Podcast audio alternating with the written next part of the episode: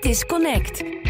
Hier hoor je alle ins en outs over PR, communicatie, content marketing en alles daartussenin. Met Jody Keuler en Jos Govaert van PR en content marketingbureau Cooper. In deze eerste aflevering is de gast Marijn Albers, International Content Director bij LVB uit Amersfoort. Hoe luidt zijn samenvatting van Content Marketing World 2017 en wat is momenteel een ontwikkeling die hij op de voet volgt? Vanuit de studio van Cooper, mijn naam is Jody Keuler en welkom bij aflevering 1 van Connect. En hier met mij vandaag, klaar om eindelijk deze allereerste aflevering op te nemen, partner in crime Jos Govaert. Ben je er klaar voor, Jos? Ja, het werd wel tijd. Hè? We lullen er al vijf jaar over. En nu iedereen een podcast begint te maken, mogen wij ook een keer. Dat, zo voelt het wel een beetje. Laten we vooral ook gewoon lekker, uh, lekker gaan starten. Vandaag gaan we het hebben over de wereld van content marketing. En bij ons in de studio is aangeschoven Marijn Albers. Marijn, welkom. Dankjewel, Jody. Vind jij het een eer? Nu je hebt net gehoord, dit is de het, allereerste uh, aflevering van Connect. Het is met een eer en een genoegen om dit voor het uh, beste PR-bureau van Nederland uh, te mogen doen. Ach, wat mooi, ach, wat mooi. Je wordt niet betaald, hè? Ik zie het ook een beetje als een Cooper-test, eerlijk gezegd. Oh, mooi. Ja, die heb je ook gevonden, dat ja, blogpostje. Ja. Oké, okay, wat goed. Hey, um, jij was bij Microsoft Head of Publishing bij MSN.nl. werd Content Director bij Brand New Telly. En je bent nu International Content Director bij LVB. Hoe ziet dan een dag in het leven van deze functie eruit? Um, die, zijn, uh, die zijn divers. Um, mijn functie bestaat eigenlijk uit twee componenten. Enerzijds um, kijken in hoeverre wij uh, onze uh, proposities, onze strategieën en formats over de grens kunnen brengen. Hmm. Omdat we geloven dat formats zich niet strikt tot de Nederlandse landsgrenzen zouden hoeven te beperken. En aan de andere kant ben ik als content director ook inhoudelijk verantwoordelijk voor een aantal grote accounts uh, bij LVB. Met name uh, APN AMRO in dat verband en uh, Philips. Okay. Um, ja, en een dag in, uit mijn leven bij LVB die verdeel ik over die, over die domeinen. En daar kom je doorgaans uren tekort in de week. Ja, snap ik. Hey, en het, het, internationale stuk, hoe ziet succesvol eruit voor jullie vanuit die internationale ambitie? Nou, wij, wij geloven dat, uh, dat content marketing klaar is om, uh, laten we zeggen, door te breken uh, richting, richting het wereldtoneel. Um, en met name omdat LVB zeer bedreven is in het produceren en bedenken van formats. Een beetje hetzelfde idee als met de tv-industrie. geloven wij dat wij, als we die proven formats kunnen packagen. Um, en kunnen, kunnen verkopen aan andere landen via andere bureaus of direct bij, bij advertisers dat daar een markt ligt die uh, voor onze groei uh, heel belangrijk kan zijn. en op dit moment zijn we druk bezig om, om die, die verkenningen uit te voeren. Um, we zijn ook al bezig om voor bestaande klanten die we in Nederland servicen, die onderdeel uitmaken van een internationaal netwerk. om te kijken, kunnen we die strategieën die we hier succesvol voor Nederlandse klanten doen, ook um, in de internationale organisatie bij andere labels aan de man brengen. Uh, en dat is een hele uh, mooie en interessante uh, pad dat we daar volgen. Ja.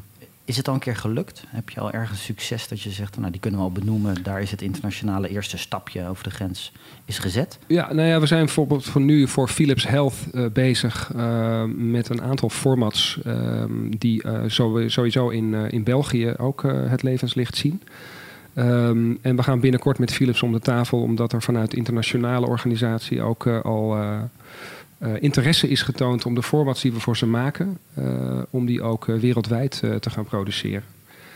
dus zo zie je dat we vanuit Nederland dan, laten we zeggen, de basis leggen en daarmee nou, toch de andere landen in zo'n organisatie kunnen triggeren met kwalitatief goede content ehm, die ook in andere landen prima zou kunnen werken. Ja. Um, dus dat is een hele interessante ontwikkeling. Tof. Uh, ja.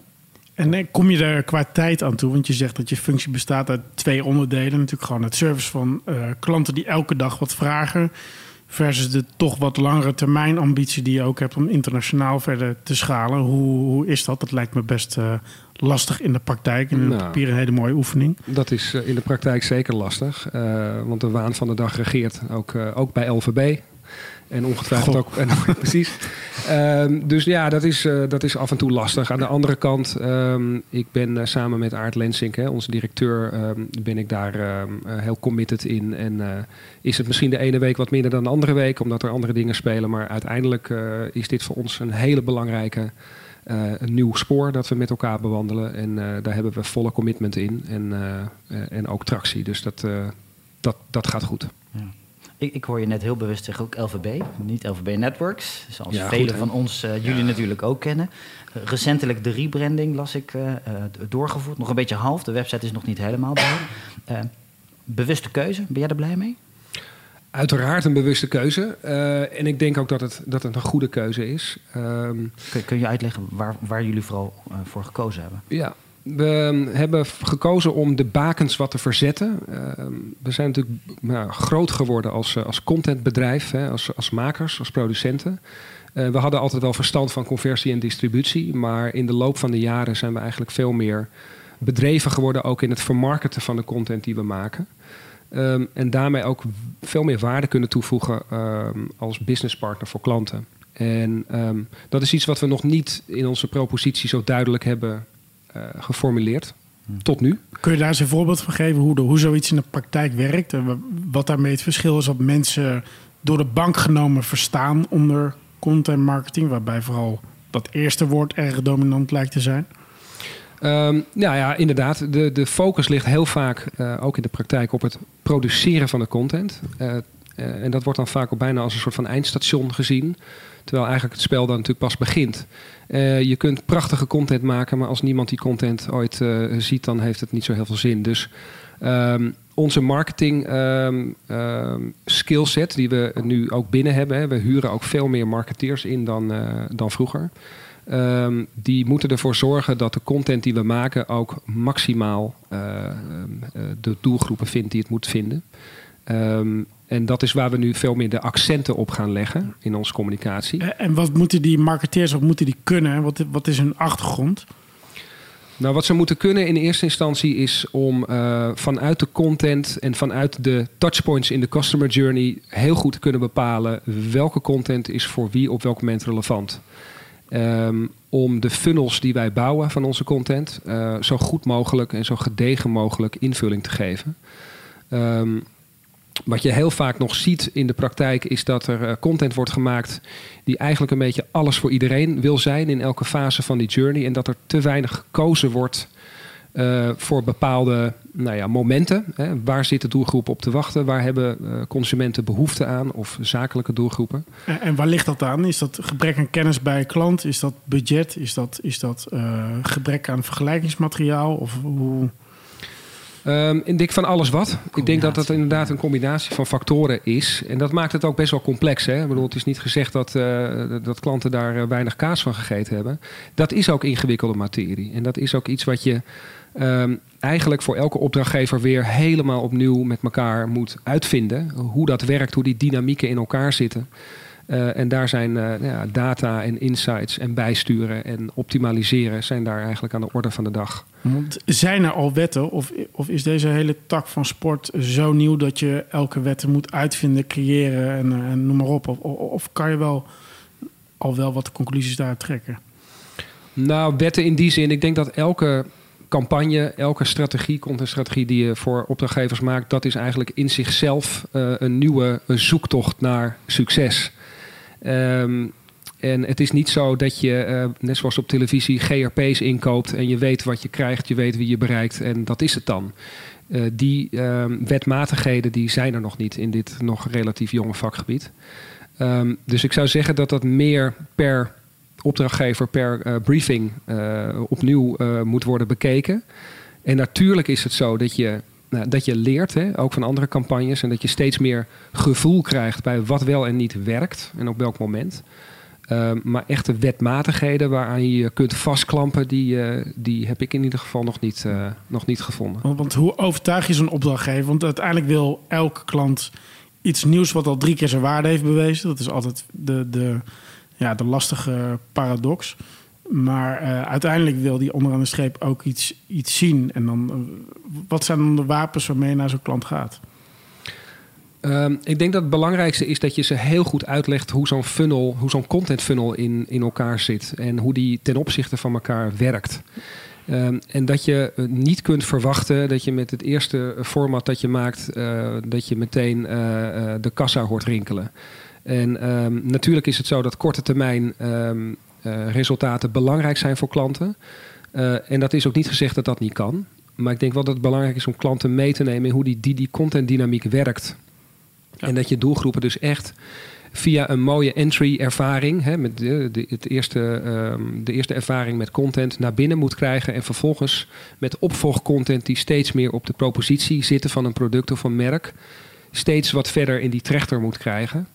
Zodat, ehm, laten we zeggen, het harde celgevoel eh, zo min mogelijk eh, eh, is, wordt geminimaliseerd. Is dat ook een reden waarom jullie met name op B2B zitten? Omdat dat relationele aspect en, en de helderheid van de funnel misschien wel wat, wat duidelijker is en wat concreter vast te pakken is als je dat vergelijkt met een B2C-operatie?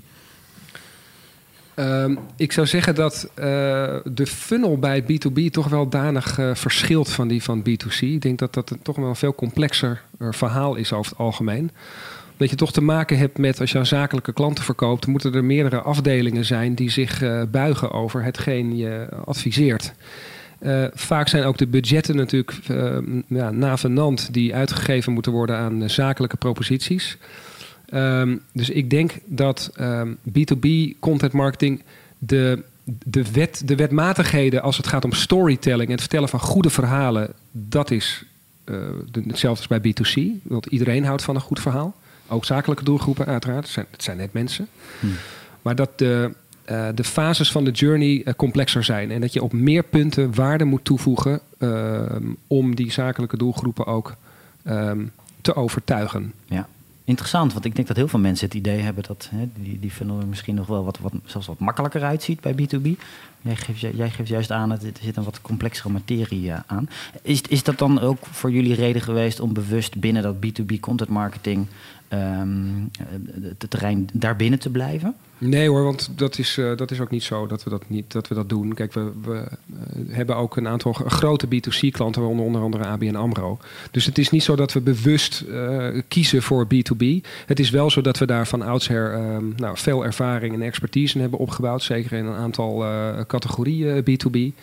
Ehm, dus dat is zo ontstaan en daar maak je vlieguren mee. En daar leer je elke campagne weer. Eh, en dat culmineert uiteindelijk in eh, betere strategieën, effectievere campagnes voor, eh, voor B2B-klanten. Ehm, en om toch nog maar even ook nog een ander belangrijk verschil denk tussen B2B en B2C te benoemen. Ik denk dat de koopangst in B2B groter is dan bij B2C. Ehm, eh, iemand in Cleveland eh, die zei op het podium: eh, It's, it's not, not a problem if you buy the wrong can of soda, but it is a problem if you buy the wrong IT infrastructure. Om het maar even zo te zeggen. Dus ook om even aan te geven dat de waarde die content marketing zou moeten toevoegen in zo'n in zo'n ehm, eh, contentstrategie voor zakelijke klanten, ja, dat luistert echt nauwer. En je moet meer en eh, beter je best doen eh, en meer bieden eh, om uiteindelijk die, eh, die conversie te kunnen realiseren. Nu hebben jullie bij de rebranding, zag ik ook gekozen om content wat meer naar achter te duwen, marketing wat meer naar voren te halen, ook eh, onder, onder jullie logo. Er wordt ook veel gesproken over, nou ja, het einde van content marketing is, is, is nabij. Ben je het eens met die stelling? Nee, daar ben ik het absoluut niet mee eens. Ik weet ook niet waar de stelling vandaan komt. Maar ik denk dat content marketing juist de toekomst van het marketingvak eh, in zich heeft. En eh, dat we eigenlijk pas aan het begin staan van, laten we zeggen, de echte mondiale doorbraak. Eh, en dat de traditionele advertising-budgetten eh, verder en verder zullen, eh, zullen teruglopen. En dat de waarde die content marketing biedt voor, ehm, voor commerciële partijen alleen maar zal toenemen. Nee, dus ik denk allicht niet dat, dat het eind van content marketing in zicht is. Integendeel. Wat ik wel denk is dat de focus veel meer zou moeten shiften naar het marketingdeel van het woord dan naar het voorste deel van het woord. Eh, omdat daar heel vaak nog, eh, dat vaak nog een beetje de sluitpost is van de begroting. Van ja, jongens, we hebben gave content. Mooi, eh, afgevinkt, kan in? Excel. Excel kan dicht. Maar oh ja, we moeten het nog even de nodige eyeballs geven. Is er eigenlijk geld voor? Ehm, ja, een beetje. Ja, en dat is iets wat, eh, wat denk ik eh, heel vaak gebeurt. Ehm, en waarvan ik denk dat we nog heel veel slagen te maken hebben om eh, content ook op een hele efficiënte manier bij de juiste mensen op de juiste manier eh, eh, te brengen. Ja, volgens mij gaf jij het aan, Jos. Is het niet zo dat, dat op het moment dat je een x-bedrag investeert in de content, dan zou je ook een gelijkwaardig bedrag moeten investeren in, in de distributie daarvan vervolgens? Ja, of misschien nog wel meer in distributie. maar uiteindelijk, ja, weet je, je eh, bij oude mediawetten geldt het ook. Als je daar de verhouding ziet tussen creatie en distributie, is die multiplier nog veel extremer. Dus ik, ik zou eerder zeggen dat uh, content marketing een relatief, eh, nog steeds relatief weinig distributie vraagt wanneer je het vergelijkt met hele traditionele wetten. Ja. Alleen dan moet je het niet zo uh, marginaal behandelen als vaak gedaan wordt. Ik bedoel, uiteindelijk is het volgens mij nog steeds een, een, een, veel efficiëntere methode. Alleen het is nogal wat als je zegt van, weet je wel, die traditionele manier. Ja, vaak het tegenargument is, ja, het werkt nog.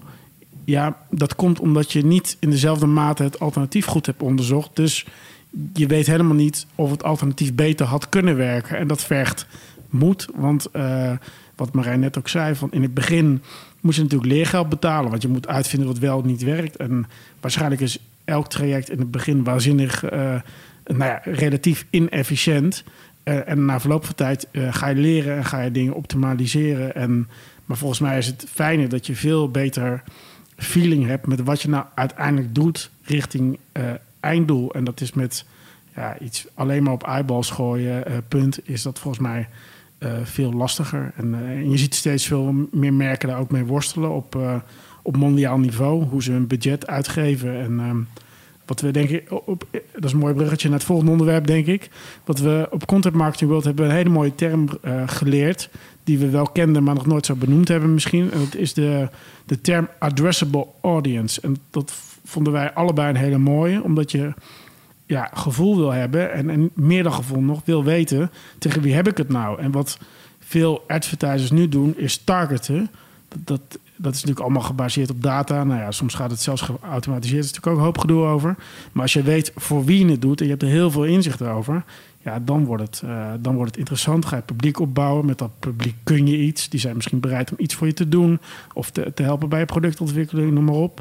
Dus ja, volgens mij zijn we net begonnen. Want wat, wat bedoelden ze daar specifiek nou, mee? Dat Addressable is echt audience, even in de notendop. Het abonnee-denken. Dus het merk als uitgever. Uh, dat je er eerst voor moet zorgen dat je een publiek opbouwt...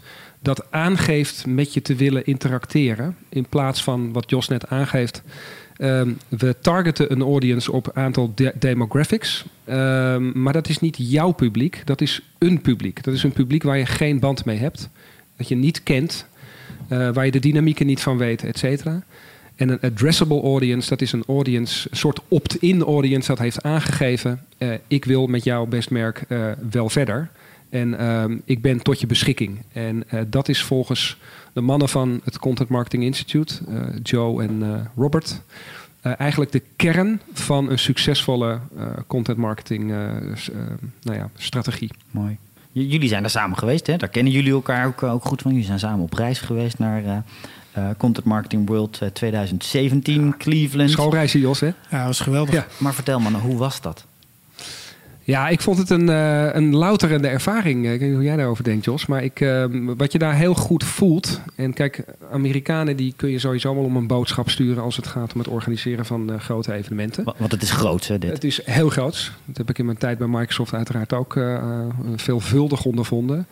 Maar deze heren die, eh, die slagen erin om, uh, om van over de hele wereld gasten te krijgen en een fantastisch indrukwekkend programma in elkaar te sleutelen.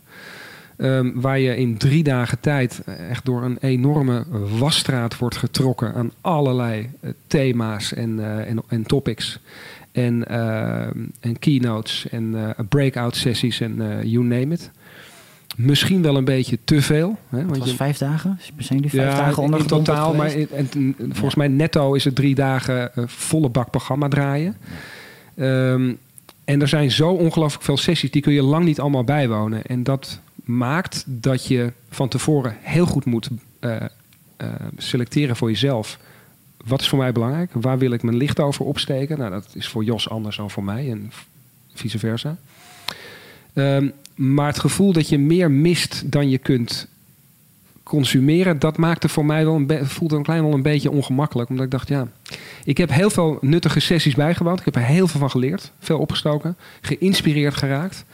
Uh, maar tegelijkertijd ook uh, het gevoel dat je veel gemist hebt. Uh, dus dat was voor mij wel een, uh, een, een, een, belangrijk inzicht. Ja. misschien doen ze dat wel expres om de conversie op het jaar daarna ook mede mogelijk te maken. Dat zou natuurlijk ook kunnen. Ja, ja slim. Ja, slim Amerikanen. Ja, dat zou kunnen. Hey, ik kan me voorstellen, dan heb je, ben je zo geïnspireerd. Je hebt heel veel gehoord, je hebt heel veel voorbij zien komen. Nou, dat, dat verwerk je natuurlijk in de, in, in de dagen, weken erna.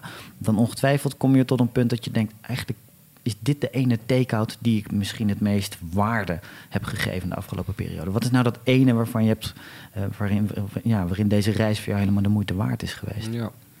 Goede vraag. Ehm, ik heb uh, toen ik terugkwam, uh, volgens mij heb jij dat ook gedaan, Jos, voor alle collega's van LVB een aantal sessies verzorgd.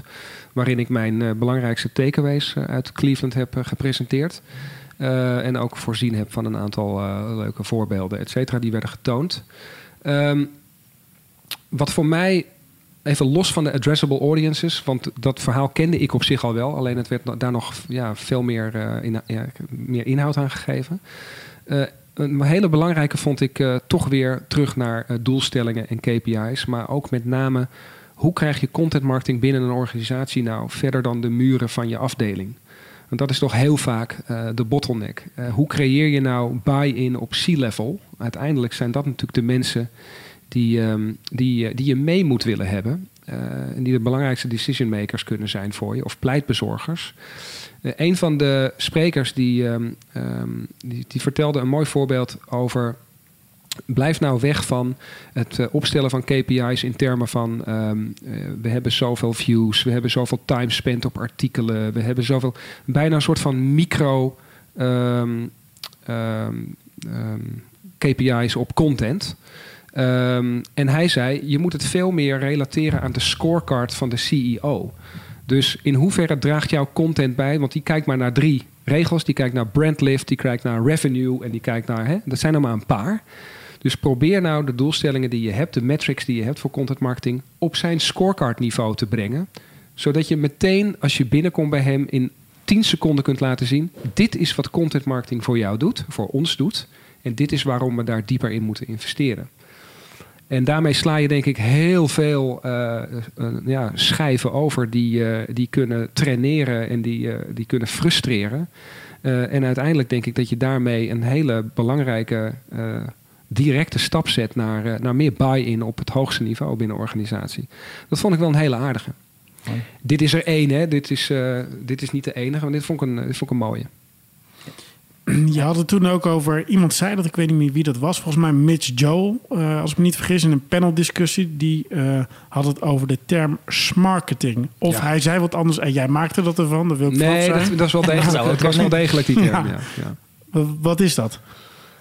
Ja, marketing, het is niet een hele elegante term, daar kunnen we het over eens zijn, denk ik. Um, hoe hij het bedoelde, uh, en dat vond ik ook wel een, uh, een sterke, is uiteindelijk zijn in heel veel organisaties marketing en sales nog altijd parallele universa.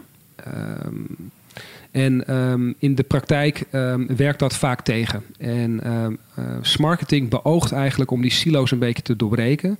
En om met name die twee partijen meer op een gezamenlijke missie te zetten. Zonder dat ze afgeven op wat de ander doet. Maar dat je dus samen de schouders onder een, uh, een gedeelde missie zet. Uh, en met name als het gaat om content marketing, denk ik dat dat van groot belang is. Omdat wat we vaak zien is dat een contentbureau als het onze, dat levert marketing qualified leads aan het sales team. En die mogen daarmee, ga, ga maar verkopen. Ga maar geld verdienen hiermee, alsjeblieft. Hier is het pakketje MQL's. Uh, terwijl dat zou, wat mij betreft en wat LVB betreft, niet het eindpunt moeten zijn van de commitment die een contentbureau, uh, marketingbureau uh, heeft.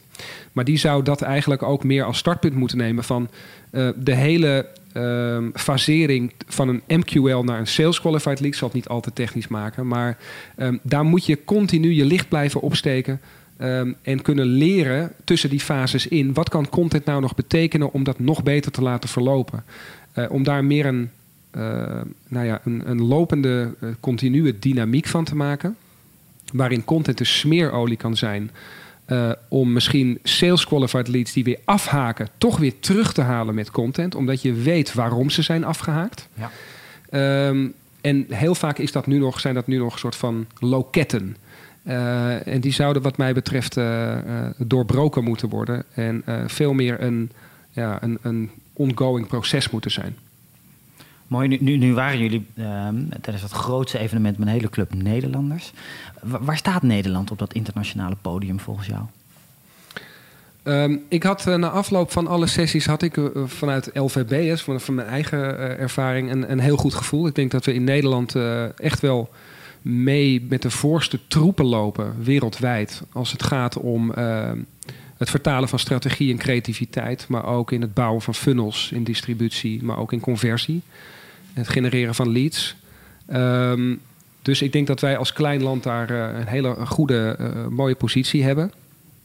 Ehm, waar ik denk dat we eh, nog kunnen leren van andere landen, is dat we, dat we in Nederland, denk ik, nog te vaak alles willen zijn voor iedereen met content marketing. Om maar ook zoveel mogelijk interne eh, stakeholders tevreden te stellen. Omdat heel veel mensen ervan moeten vinden, iets van moeten vinden. En ik heb een aantal voorbeelden gezien van ehm, eh, wat ze dan ook blockbuster-strategieën noemen, ook in B2B. Is dat bijvoorbeeld Disney, als je de contentkalender van Disney ziet, dat zijn vier films. Die contentkalender die heb je binnen eh, een halve seconde gelezen. Eh, omdat ze hele scherpe keuzes maken. En eh, een aantal hele grote big bets in een jaar eh, programmeren.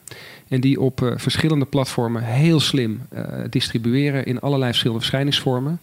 Maar uiteindelijk maken ze hele scherpe keuzes. En eh, ik denk dat dat eh, iets is wat ik zelf ook heb meegenomen uit, eh, uit Cleveland.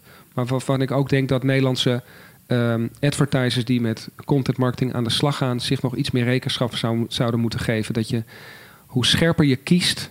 eh, en eh, misschien wel het adresseren van een niche in plaats van een groter publiek, dat dat uiteindelijk tot meer resultaat gaat leiden. Tot meer focus en tot meer, tot meer resultaat. En wat, wat denk je is de voornaamste reden waarom men daar zoveel moeite mee heeft om die, die, die focus of die niche eventueel te kiezen?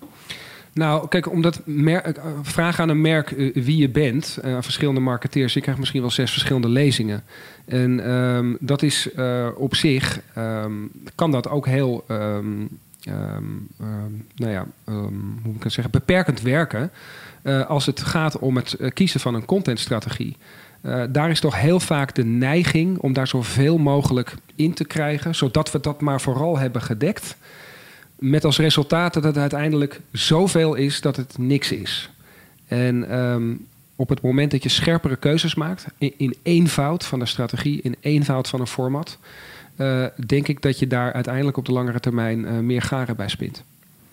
Maar soms schiet dit format denken in mijn beleving ook wel eens door. En dat komt met name door commerciële televisie. Eh, want weet je, die, wat ik laatst las, is dat, ze, dat er zelfs een afvalshow komt voor BN'ers. En dat is dan ook geformateerd, dat, dat zie je. Nou, die had ik Eh, laten afvallen, die show. Hoor. ja. Ja, ja.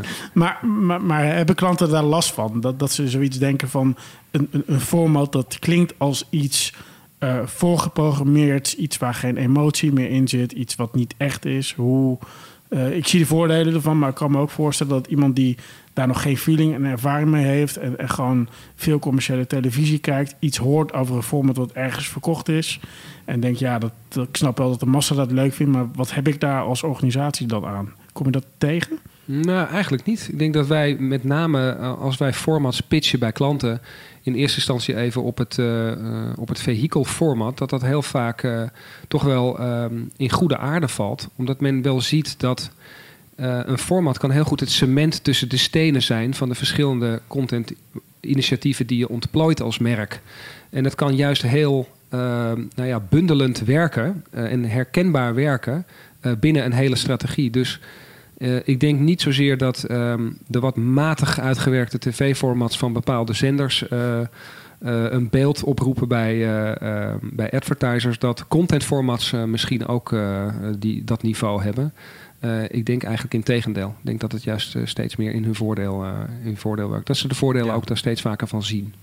Nu zie jij, en je, je hebt dat in Cleveland on- ongetwijfeld gezien, ontzettend veel cases voorbij komen, content formats zie je Ja, voorbij komen. ja. Dat, dat, ik verwacht ook niet anders. Ik kan me ook voorstellen dat je wel eens ergens naar iets kijkt waarvan je denkt, verdomme zeg, dat had ik toch graag willen bedenken of willen maken. Nou, dat denk ik aan de lopende band uiteraard. eh. Kun je er eentje noemen waarvan je echt zegt, oh man, wat had ik die graag, dat had ik daar graag aan bij willen dragen. Ehm, Nee, ik wil er eigenlijk eentje heel snel noemen, want dat is voor mij een van de all-time favorites. Dat is uh, toen uh, Narcos, uh, de Netflix-serie, um, gelaunched werd. In Amerika ehm, heeft de, hebben ze een branded content integratie gedaan met de Wall Street Journal. En die heette Cocainenomics. Die kun je overigens nog terugvinden op het, op het web. en dat was eigenlijk een, een hele rijke, diep journalistieke verhandeling over Pablo Escobar, het opstarten van het Medellin-kartel, maar ook van zijn puissante winsten en zijn geweld, gewelddadige verdienmodel, om het maar zo te zeggen. Prachtig vormgegeven met allerlei infographics, video's, aangevuld met trailers uiteraard uit de serie zelf. Maar op zo'n ongelooflijke, gave manier gedaan. Dat ik daar, ja, ik heb gewoon elke letter van voor naar achter en van achter naar voor gespeld van, dat, van, de, van die chroniek, want dat is het echt. Uh, dat vond ik een hele indrukwekkende. Een andere, en dat is meer uit B2B-hoek, is de case van Maersk. Maersk Line, de, de containerrederij, de grootste ja. rederij ter wereld. nou, hun business is goederenvervoer tussen havens wereldwijd. Dat is op zich, zou je kunnen zeggen, Overigens komt het als containerbegrip. Hey, dat is misschien leuk. um, maar goed, zij zijn er toch in geslaagd om een, uh, een ogenschijnlijk uh, wat, ja, wat saaie sector echt tot leven te wekken met fantastische content. Um, uh, content die, en dat is wat wij ook bij LVB proberen te doen bij, bij B2B. Um, ehm, consumenten, een consumentenhaakje hebben voor B2B behoeftes. en dat is wat Maersk ook heel goed heeft gedaan. Um, wat ze bijvoorbeeld hebben gedaan is uh, een, een, fotoreportage gemaakt van een giraf die vanuit Australië met een zeecontainer naar een andere dierentuin ergens anders in de wereld werd gebracht. Dat is enorm de wereld, letterlijk ook de wereld overgegaan, die, die reportage. mooi. Prachtig mooi. Um, en ze hebben bijvoorbeeld ook uh, partnerships met Lego. Lego heeft een heuse uh, Maersk containerboot op de markt gebracht. Ze hebben met Discovery Channel uh, een videocontent deal waarbij Discovery een uitzending wijdt aan de bouw van het grootste containerschip ter wereld. Wat ze in timelapses laten zien, et cetera. Um, dus Maersk heeft dat echt op een hele slimme manier gedaan. Waarbij ze ook nog, en dat is wat vaak toch een beetje in de dode hoek van marketeers ook zit de bestaande content tot leven hebben gewekt. Dus de curatie van bestaande content. Dus ze hadden een gigantisch archief aan fotomateriaal. Uh, daar hebben ze de mooiste, meest tot de verbeelding sprekende foto's uit geselecteerd. Voorzien van nieuwe tekstjes. Ja, en dat hebben ze op zo'n goede manier uh, heel efficiënt opnieuw een tweede leven gegeven. Dat dat heel mooie aanvulling was op, uh, op de contentinitiatieven die ze dus al ontplooiden. En dat heeft dus tot gevolg dat daar een hele rijke ook zelfs voor buitenstaanders gave content uh, propositie is gebouwd. Dus niet alleen maar voor een primaire doelgroep, maar voor iedereen gaaf om naar te kijken. Zodat ze met name op social een gigantisch gevolg hebben gecreëerd van daar gaat die addressable audience, waarmee ze hun toekomstige initiatieven zachter kunnen laten landen. En ja, dat is wat ze buitengewoon verstandig hebben gedaan, vind ik. Mooi. Mooie voorbeelden. Mooie voorbeelden. Hey, is, is er momenteel ook een ontwikkeling die jij op de voet volgt binnen de scope van content marketing? Um, ja, dat zijn natuurlijk heel veel. Um, uiteindelijk, wat, uh, wat gaat uh, virtual reality allemaal betekenen voor dit vak? Wat gaan alle nieuwe emerging technologies voor, uh, voor ons vakgebied betekenen? ik denk heel veel, maar ik weet ook nog even niet hoe en wat precies. Dat is voor ons ook gewoon nog een, een absolute leercurve die we met elkaar en als markt en als branche door moeten. maar ik denk wel dat dat fundamenteel Ehm, eh, fundamentele veranderingen kan, eh, kan betekenen. Ehm, ja, en een aloude, maar toch nog steeds uh, actueel, denk ik, is toch de, de, de KPI-discussie. In hoeverre draagt content marketing nu bij aan het succes van een merk? Um, onderaan de streep op revenue, maar ook op, op, op merkwaarden. Ja, dat is een ei wat we toch nog steeds niet helemaal tot tevredenheid met elkaar hebben gelegd. Um, en um, ja, ik vind dat nog steeds een, eh, een buitengewoon uh, ja, fascinerende onderdeel van ons vak. Omdat het uiteindelijk, nou ja, onderaan de strepen, daar gaat het om. En dat moet je wel op een goede manier inzichtelijk kunnen maken. En dat is wat we toch nog steeds met z'n allen niet helemaal goed de vinger op, op kunnen leggen. Ehm, dus dat zouden er voor mij zijn één oude, eh, oude wijn in nieuwe zakken en een nieuwe, nieuwe technologieën. Wat gaan die betekenen voor ons vak? Die ik wel op de voet volg. Ja. Hey, jullie zijn beide fanatieke twitteraars. Daar kennen jullie elkaar ook, eh, ook goed van. Dat, eh, dat doe jij ook al, eh, al eventjes. Is dat voor jou een... eh, jij focust vooral op one-liners volgens mij over nieuws en televisie. Is dat een beetje doorgeslagen hobby eh, van je geworden? Zo mag je dat best kwalificeren, Jody. Dat is. eh, Het is of Jos over Feyenoord of jij ja, ik zag dat Jos, jij zit vandaag negen jaar op het medium, toch? Ja, ja ik heb eh verjaardag. Gefeliciteerd. Gefeliciteerd. Tenminste, vandaag als Ja. het opnemen. Ja. Wanneer men luistert, eh, kan het gerust weer 12 jaar zijn. Ja, dat dat weet je waar. ook maar niet. Dat is eh, dan een jaar langer dan ik, volgens mij. Dus eh, je was dan al een early adopter eh, in, die, in die tijd. Ja. Eh, ja, god, voor mij is het een uit de hand gelopen hobby geworden. Ik heb inmiddels 30.000 volgers. En ik eh, ben inmiddels ook in een boekje opgenomen wat is verschenen. Dit is waarom mensen op Twitter zitten. Daar heb ik ook mijn eigen... Oh ja, die is recent verschenen. ben ik ja, heel trots waar. op. Mijn eigen pagina in met een aantal tweets. En eh, het heeft me leuke dingen gebracht. Ik heb bij Q Music een eigen radio-item gehad. Eh, ik heb in het Heineken 12 al eh, gezeten met het WK voetbal van 2014 onder andere. Ik heb op het podium in Toemler gestaan, de Comedy Train. Ja, dat heeft me allemaal geweldig leuke dingen gebracht die ik nooit, eh, nooit had ver- vermoed. Maar dat is eh, tot op de dag van vandaag nog steeds mijn, mijn uitlaatklep als het gaat om, om taal en om, om grapjes. Mooi. Nu streven wij ernaar om eh, bij Connect zo rondom een half uurtje hè, een uitzending of aflevering te maken. Ehm, mijn laatste vraag dan aan jou. Als mensen met jou willen connecten, eh, waar? Bij voorkeur via Twitter, of zeg je? Eh, daar zijn ook andere kanalen voor. Maar ik zou sowieso zeggen, volg me op Twitter, @marijnaaa. En eh, Waar komt die AAA vandaan? ja, dat is, kijk, mijn achternaam is Albers, hè, dubbel A. En eh, wist ik veel, acht jaar geleden toen ik een naam verzon voor een Twitter-account. Ja, ik moet toch wat. Toen dacht ik dan, triple A, dat is, hè, dat is goed. Dat is in de bankwereld ook natuurlijk belangrijk. Laat ik er een triple A van maken. Als, eh, en dat heb ik eigenlijk nooit meer veranderd. Het is een hele suffe naam, maar ik dacht op een gegeven moment, ja, waarom zou ik dat nu nog gaan veranderen? Laat het maar lekker staan. Dus ehm, vooral via Twitter zou ik zeggen. Mooi. Marijn, namens ons beiden, dankjewel voor je komst. Bedankt voor de uitnodiging. Dit was de eerste aflevering van Connect. Wil je meer informatie over deze podcast? Bezoek dan www.cooper.nl slash connect voor alle show notes, cases en tips. Bedankt voor het luisteren en tot de volgende aflevering.